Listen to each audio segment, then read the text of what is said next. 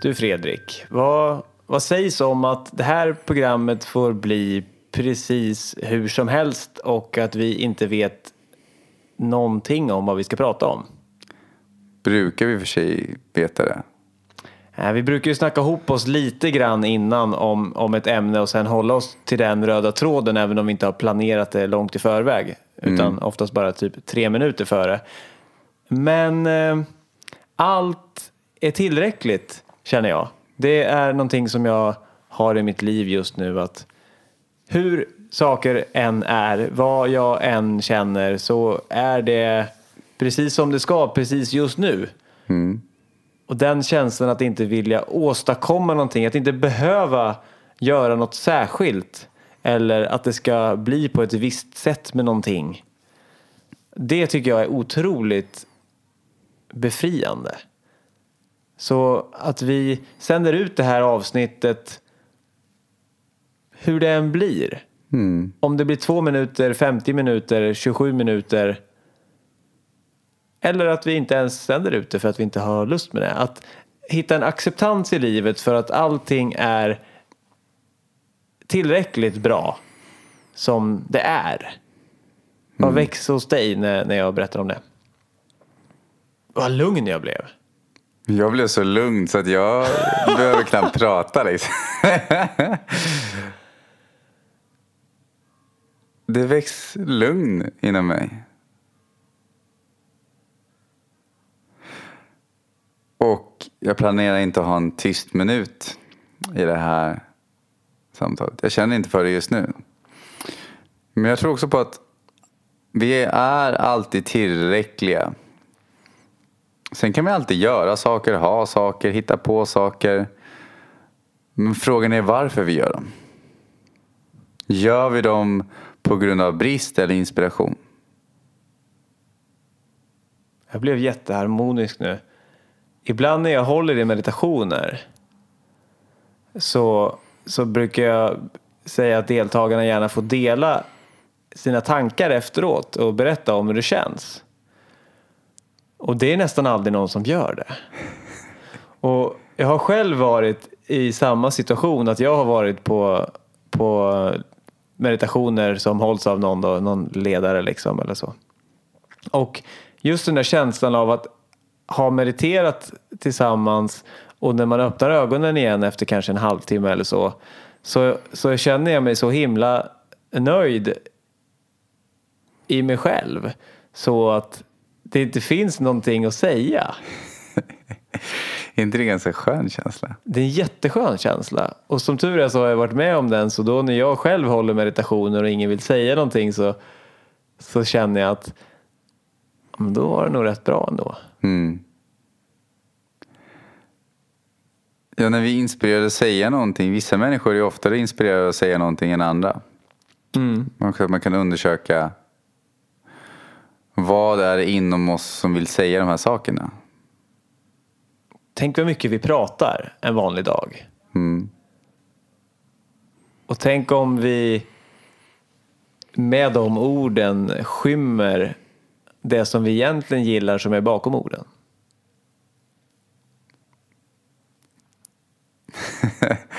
Jag tänker ju på människor. Du vet om man träffar någon som kanske är från ett annat land. Hur man kan ha en fantastisk kommunikation utan att förstå varandras språk. Hur istället då öppnas nya perspektiv och nya sätt. En grej som jag tyckte var ganska intressant var. Jag lyssnade på några som pratade om dating. Och jag tog med mig en grej från det samtalet var För de utbildar människor i hur man hittar tjejer. Eller hittar inte tjejer men rätt tjej i livet då. Och deras lärdom var du har redan en kontakt. Allt du gör bryter kontakten.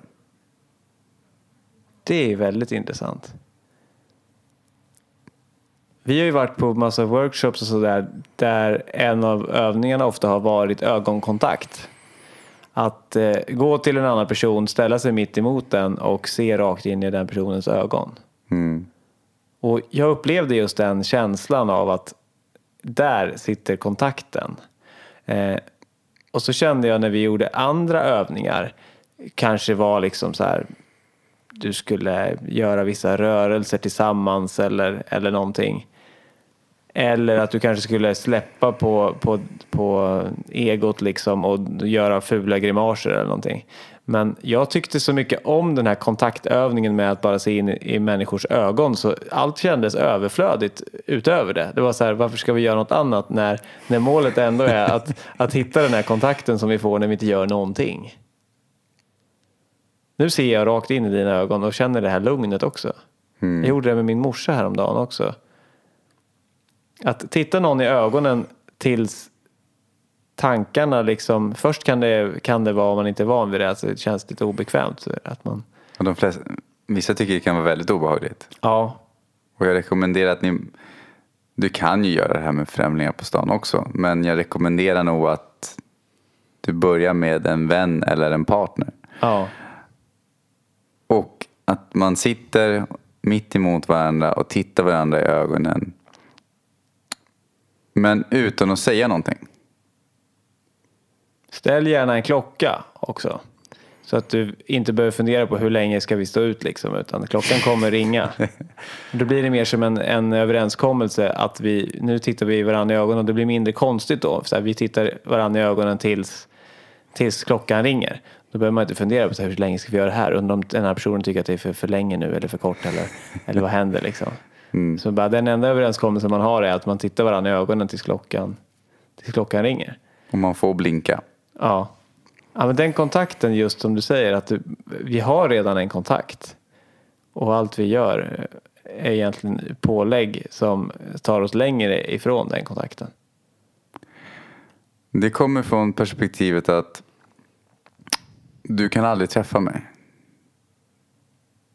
Ja, det är intressant. Hur menar du då? För du träffar ju mig baserat på ditt perspektiv av världen. Jag träffar min föreställning om dig. Jag träffar mina tankar och uppfattningar Ah, du om träffar dig. inte ens din föreställning om mig. Du träffar din föreställningar om dig. Alltså du kan bara, ju mer du möter mig, ju mer möter du egentligen dig själv. Om du tycker att jag ser bra ut så är det för att du jämför det med en utgångspunkt som du har som preferens. Så jag är grunden till alla mina egna intryck. Så kan man säga va? Jag har ju märkt själv att när jag älskar mig själv precis som jag är så nämnde jag det för flickvännen häromdagen att oavsett hur hon ser ut, vare sig det är sminkad eller inte sminkad, vilka kläder, så är hon perfekt. Och det kom ju inte för att jag har jobbat på att acceptera henne. Det kommer från att jag började se mig själv som perfekt. Hur jag än ser ut, mår, känner, är, är jag perfekt.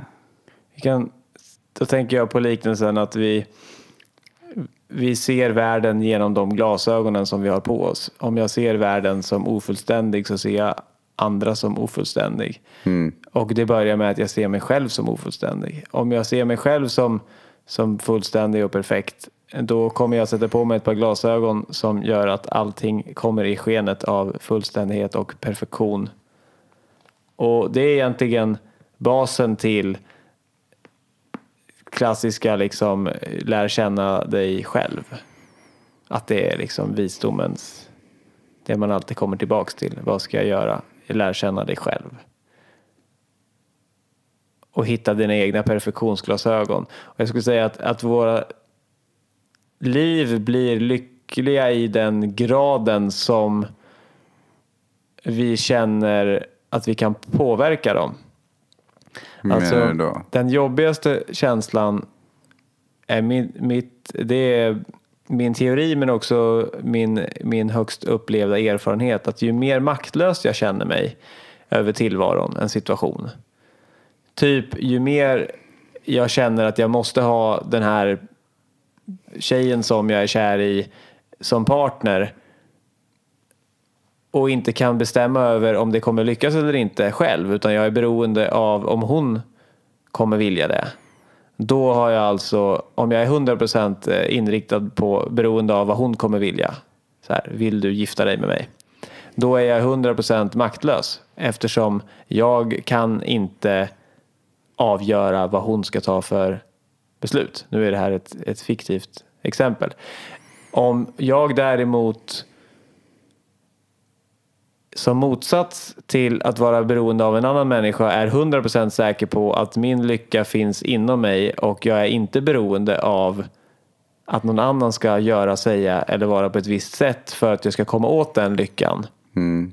Då har jag till 100% eh, makt över mitt eget liv och då kan jag välja att se världen ur ett perspektiv från, från perfektion. Jag väljer vilka glasögon jag sätter på mig helt enkelt. Jag vill ta det ett steg till då. Gärna. Att inse att man behöver inte ha makten alls. För att genom att inse att jag behöver inte makt.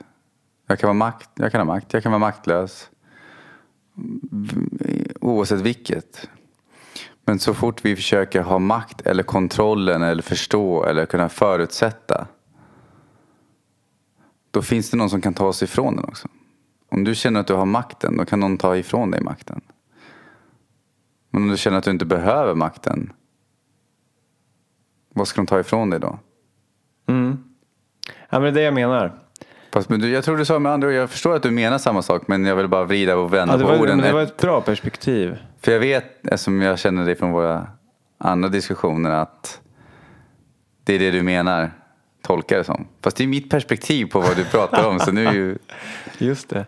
Jo, men det är så jag känner när jag får på mig de glasögonen och kan se allting i perfektion. Så inser jag att det inte spelar någon roll. Ingenting spelar någon roll. Att allting är tillräckligt som det är. Ja, För att vad som än händer kan jag välja att se det som att det är precis som det är. Och att det är precis tillräckligt. Och då ligger den största friheten i att inte vilja ändra på någonting utan att se allting som att det är bra som det är. Och de stunderna som jag är i det tillståndet att jag behöver inte ändra på någonting, allting är bra precis just nu.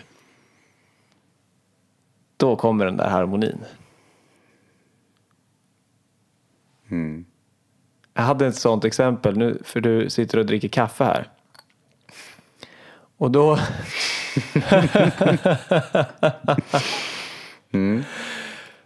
Vilken härlig, det är verkligen alla ni som lyssnar på Lyckopodden annars. Det här är ett annorlunda program. Det har en helt annan energi. jag känner det. Det är jätteskönt att sitta här och prata med Fredrik. Om det är skönt att lyssna på det här som podd har jag ingen aning om. Inte jag heller. Kaffeexemplet ändå. Wow. Det är bra som det är. Det ringer något alarm här eller någonting. Jo. Jag var sugen på kaffe häromdagen och då kom jag på att jag är sugen på kaffe nu för att jag är lite trött. Och eftersom jag inte tyckte om att vara trött. Jag gjorde den subtila bedömningen, liksom, eller vad heter det?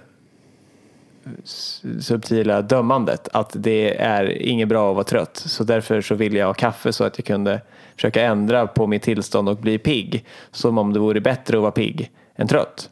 Då kom jag liksom på att okej, nu vill jag ha kaffet och det är det jag menar. Ibland säger vi att vi gör någonting ifrån en plats av brist.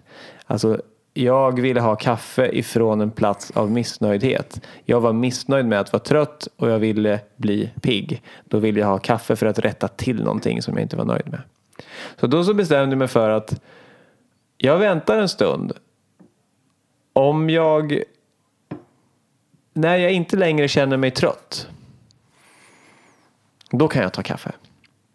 Om tröttheten består då ska jag inte ha någon kaffe. Då accepterar jag min trötthet. Men om tröttheten försvinner, då kan jag ta kaffe. För då gör jag det inte för att klistra över någonting för att dölja någon, någon onöjdhet, om man nu kan säga så. Jag säger så. hos mig utan av en plats att säga jag är redan nöjd och varför inte ta lite kaffe? Så gick jag upp och sen så lite senare så bara, men nu är jag pigg och glad och jag typ gjorde lite armhävningar eller någonting och, och blev pigg. Mm. Och så bara, nu kan jag ta kaffe. Jag tror också att när vi försöker kompensera. Jag tror det kan vara värt att undersöka om man är trött. Också. Inte vilja förändra utifrån brist utan vilja förändra från inspiration.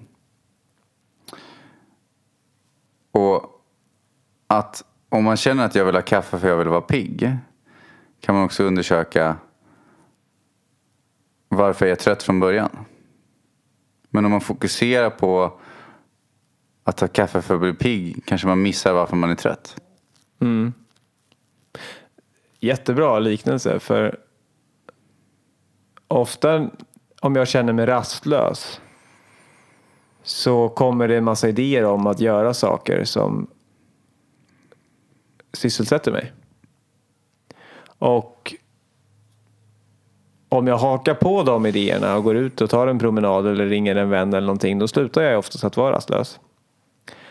Men jag går miste om möjligheten att undersöka varför är jag rastlös. Så lite senare samma dag eller dagen efter så kommer jag vara rastlös igen. För rastlösheten ville säga någonting till mig. Den ville säga hej, undersök det här. Så slipper du vara det här varje dag.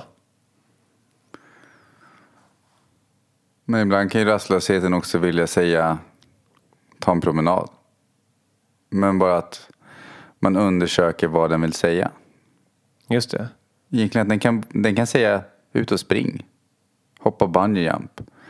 Men att vi undersöker vad den vill säga. Så att vi inte bara antar att nu är det någonting jag ska göra. Eller jag måste göra någonting. För då kanske vi missar möjligheten av att det är någon känsla vi förtrycker. Eller Men att Ja. vi inte lyssnar inåt. Men om vi undersöker varför kan det vara inspiration som kommer fram. Ja, det kan det. Men jag tänker ändå som test, jag vet inte vart, vart det hamnar, men om, om allting redan är bra som det är. Kan det verkligen vara så att rastlösheten vill guida oss till att gå ut och springa? Alltså, skulle med det tankesättet det inte vara tillräckligt att bara så här, jag är rastlös och det är okej, jag behöver inte ledas någonstans av den informationen. Jag sitter bara med det. Hur menar du? Att då, om jag istället sätter mig ner och bara konstaterar att jag är rastlös. Att jag istället för att göra någonting inleda en aktivitet. Vilket är min instinktiva lösning när jag är rastlös. Komma från sysslolösheten. Så bara sätter jag mig ner och går rakt emot min rastlöshet och bara lyssnar på den. Och då är min upplevelse att om jag kan sitta i, i rastlösheten, som man säger, då kommer den att försvinna. Ungefär som om du tänker dig ett moln på himlen och så Ja, men nu Om du- börjar det landa. För jag tror så här att om man gör någonting i inspiration. Då är, nu slog det mig vad jag vill leta efter. Det är om man vill gå ut och hoppa bungee jump. Eller ta en promenad. Att göra det ur rätt energi är inspiration. Och det går inte att känna rastlöshet samtidigt. Just det, man kan bara känna en sak samtidigt. Du kan skifta snabbt mellan de båda. Men jag har märkt själv saker, stunder av rastlöshet, där jag vill ha haft en förändring och jag har försökt tvinga fram någonting. Att de gånger jag gjort det, som jag gjorde förut, då gjorde jag mycket av de sakerna jag inte riktigt ville. Och jag sköt på många saker jag borde göra. Och klankade ner på mig själv att gud så dålig jag är som inte gör de här sakerna jag har sagt åt mig själv att göra för att lösa de här problemen.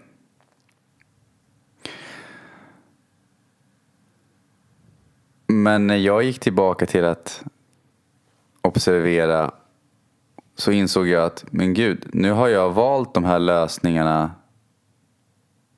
utifrån brist. Och anledningen till att jag inte gör dem, det är för att jag mår väldigt dåligt av att göra dem. Så när jag slutade fokusera på att jag hade brist, då växte istället fram inspiration. Och då fick jag hur mycket som helst gjort. För jag valde vad glädjen ville säga mig istället. Mm. Men målet var då inte att göra saker.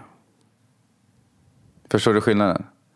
Första läget där jag gjorde saker och sköt på, även inte gjorde saker, jag sköt på saker jag borde göra.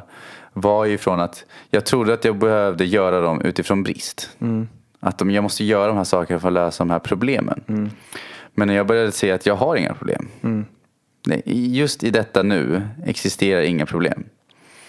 Om jag tittar på min historia baserat, om jag tittar på min historia vad jag, som har hänt, vad jag lärt mig där och så projicerar jag på framtiden vad som skulle kunna hända. Då kan jag må dåligt. Men just i detta nu har jag inga problem. Men det är typ som om jag konstaterar att jag är trött och sen bara, ja, fast det är inget problem att vara trött. Mm. Och då kan jag ta en kopp kaffe. För att om jag konstaterar att jag är trött men det gör inget. Då behöver jag inte ens bli pigg när jag tar min kopp. Ja, där börjar vi komma närmare vad det är jag tänkte. Ja. Att du behöver inte förändra någonting. Så jag är rastlös och det är okej att vara rastlös. Antingen sitter jag kvar här i min rastlöshet eller så gör jag någonting annat och det spelar ingen roll. Det där är någonting som jag kommer tillbaks till många gånger att när det inte spelar någon roll då är jag i ett, ett väldigt skönt tillstånd. Om du och jag bestämmer att vi ska ses och så tänker jag så här, ah, vad skulle hända om, om eh, Fredrik ringer och säger att det blir ingenting nu? Och så bara, ja men det spelar ingen roll. Det är kul om vi ses och det är kul om vi inte ses. När jag är i det här tillståndet, då, då finns det inga problem. Som nu. Ja. Allt är tillräckligt. När vi satt här innan och tänkte att vad ska vi ha för tema? Så kom vi inte på något. Det var bara liksom, det var bara ett skönt samtal vi hade. Och då tänkte vi att, men var, varför inte bara sätta sig ner och ha ett skönt samtal. Där ingenting spelar någon roll alls. Där allt redan är tillräckligt innan vi har börjat. Ja. jag vet inte om ni märker skillnaden från de andra programmen, men jag känner skillnad. Jag har varit så lugn, från ingenstans så bara... Jag blev också extremt lugn. Sen skulle jag kunna ur den här platsen elda igång med den vanliga inspirationen också. Så att Det jag kan jag tror också göra. inte, och jag vet inte, men jag tror inte att, att alla program kommer vara så här. Jag ser framför mig hur vi skulle kunna döpa det här till Lyckopodden Slow eller någonting. Som ett special, eh, specialprogram. Mm. Intressant då, jag tänker på den här, det finns en, en eh, hyfsat ny film som heter Zootropia, sån här ani- animerad, jag tror att det är Disney men jag vet inte. Mm. Och där finns det en sengångare som talar så extremt långsamt. Och så pratar han Nu ska du inte börja härma honom. Eller om du vill så får du göra det. som är jätteivrig. Och nu så har vi ju vi en betydligt långsammare ton än vad de flesta pratar med. Och då kan vi ju passa på att bjuda in er, er våra vänner där ute till att fundera på vad den här äh, långsamheten väcker i er. Hur känns det? Att det går så himla långsamt.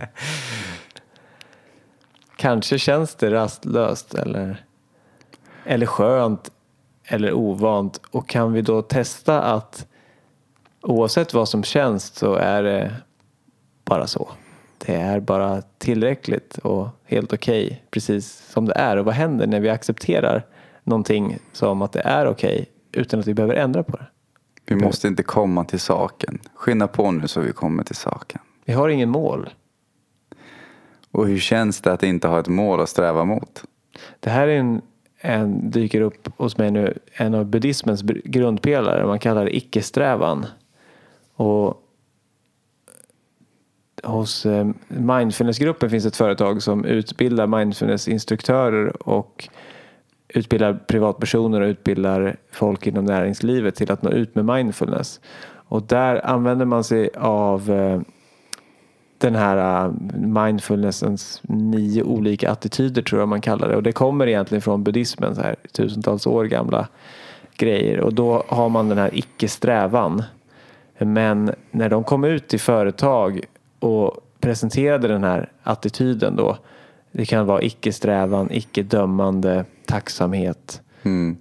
Olika sådana. Då var det så svårt att få med folk. Folk bara säger, men vadå icke-strävan? Ska vi inte ha något, något, något mål? Vi är så vana vid i vår kultur att ha ett mål och att det ska bli på ett visst sätt. Och att vi ska sträva mot den punkt vi sätter upp, mot det målet. Så att de fick faktiskt ändra på det här till att ha medveten strävan. Mm. För att ute på företagen och sådär så det blev sån krock så att föreläsningarna handlar ju om att förklara den där punkten istället för att gå in på vad det egentligen mindfulness är för någonting.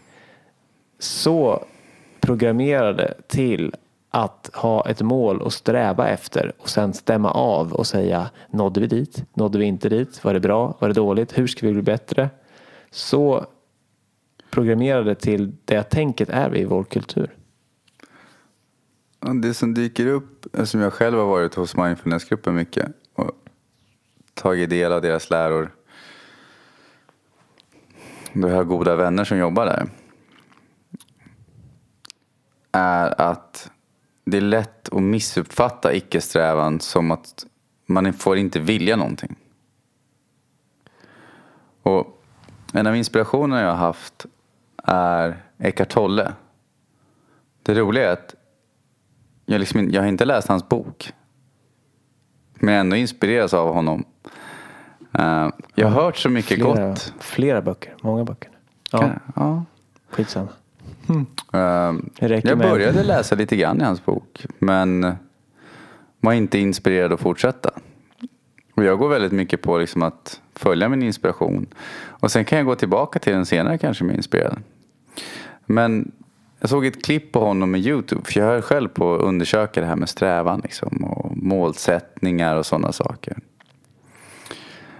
Och inspirationen var som han hade. Han var inspirerad att skriva, skriva en bok om att leva i nuet. Och då sa folk till honom att, ja men du, alltså, Eckart, Vet du hur många böcker det finns kring att leva i nuet? Räcker inte det? Måste det bli en till liksom? Medan alltså, hans svar var, om, men jag vill skriva boken för att jag vill skriva boken. Och om ingen läser den och det slutar med att jag får plantera tomater då, som jag ska äta till min föda. Jag vet inte varför han tog det exemplet men tomaterna fastnar i mitt huvud i alla fall. Så är det okej. Jag skriver inte den här boken för att någon ska läsa den. Och det har inspirerat mig och när jag märker när jag utgår från att göra saker inte baserat på vad andra ska tycka. Jag kan fortfarande ha i åtanke. Vi pratade lite innan om att du och jag utvecklas ständigt för att hitta sätt att förmedla våra budskap på ett sätt som människor kan ta till sig dem. Men passionen till att utveckla oss kommer inte från att folk måste förstå. För ingen behöver förstå någonting. Utan vi är inspirerade av att dela och utveckla, vad heter, det, utveckla vårt sätt att uttrycka oss. Och att men, och hitta olika sätt att förmedla det vi vill. Men vi gör inte det baserat på att vi tror att vi behöver hjälpa människor. Utan att de är redan perfekta som det är. Oavsett om de mår dåligt, om de mår bra, så är de perfekta.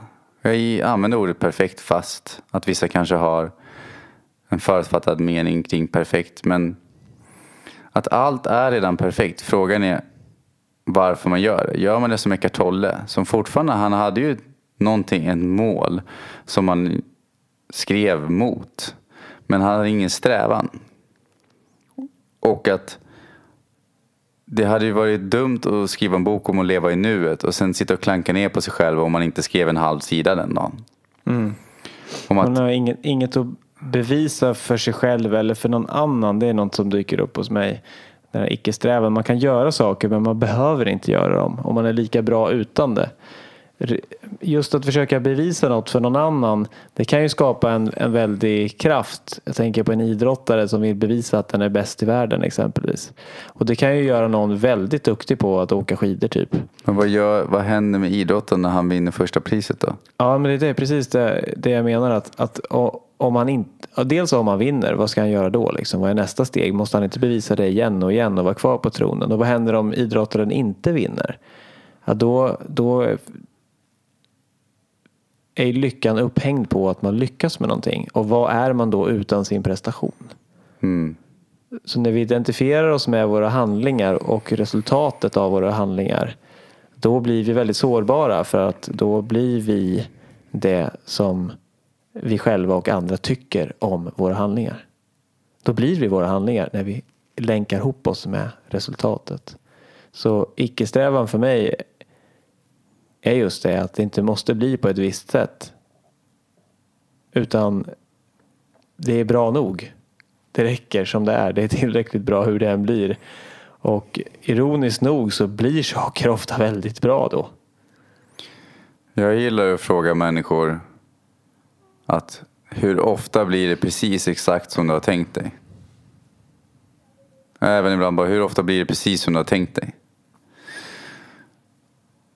Och de flesta svarar att sällan eller aldrig. Och där är en så intressant reflektion hos mig då att om människor gör någonting som sällan eller aldrig fungerar. Kan det inte då vara värt att undersöka om man kan göra det annorlunda? Ja, eller om man kan tänka Ja, annorlunda. tänka, an, ja, tänka annorlunda blir det i det här fallet. Liksom. Och att jag tror vi missar så många möjligheter när vi beslutar oss för att det måste vara på ett visst speciellt sätt. Mm. Min tanke är att med, våra tankar, vårt medvetande eller vårt ego eller vad man nu kallar det kan hitta på vad som helst, kan fantisera sig fram till vilken drömbild av verkligheten som helst. Det finns inga begränsningar. Eh, men det är inte alltid verkligheten blir så som vi har tänkt oss.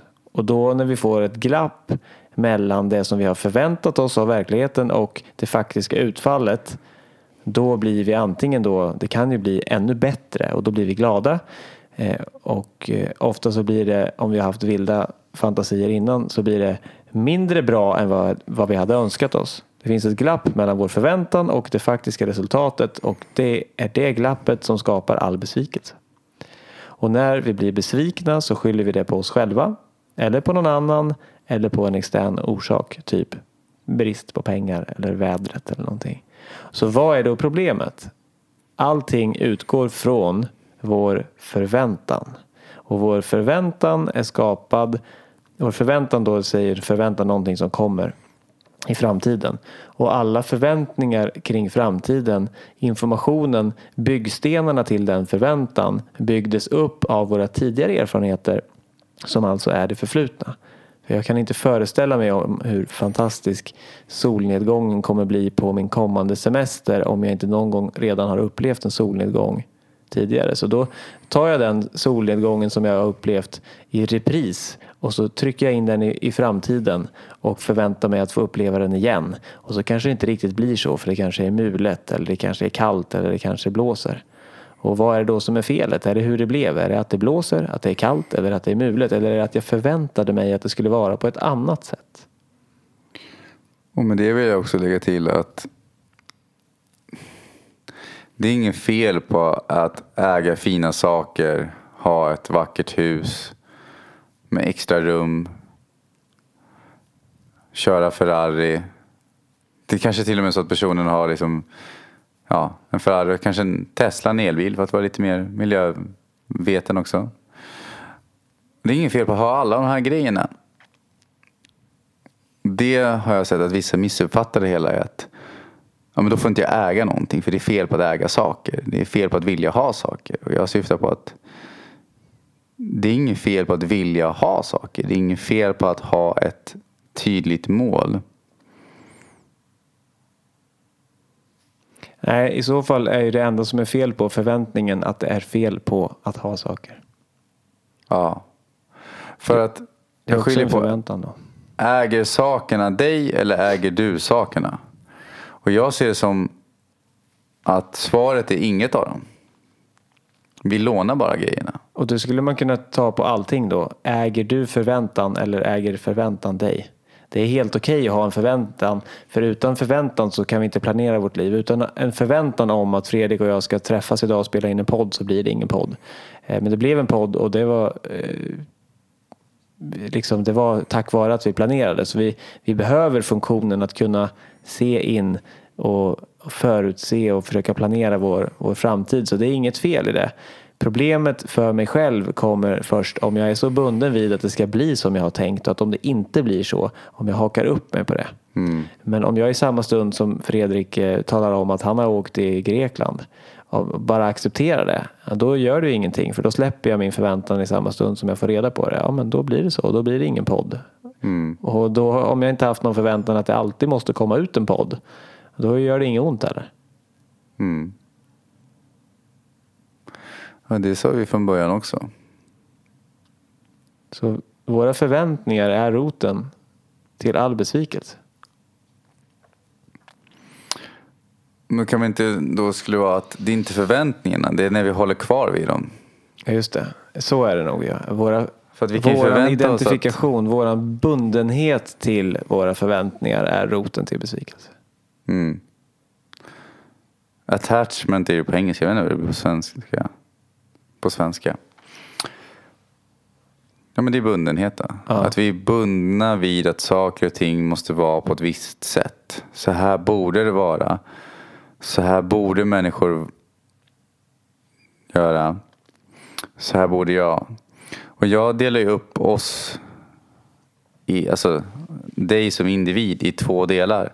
Vi, sitter, vi är alla en del av en helhet men vi har jaget och självet.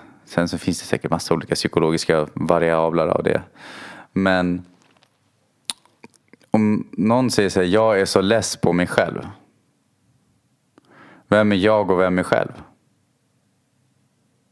Hur kan jag bli less på själv? Är du två delar då eller? Och vem- Just det. Jag känner dubbla känslor kan man känna också. En del av mig säger det här och en del av mig säger det här. Mm.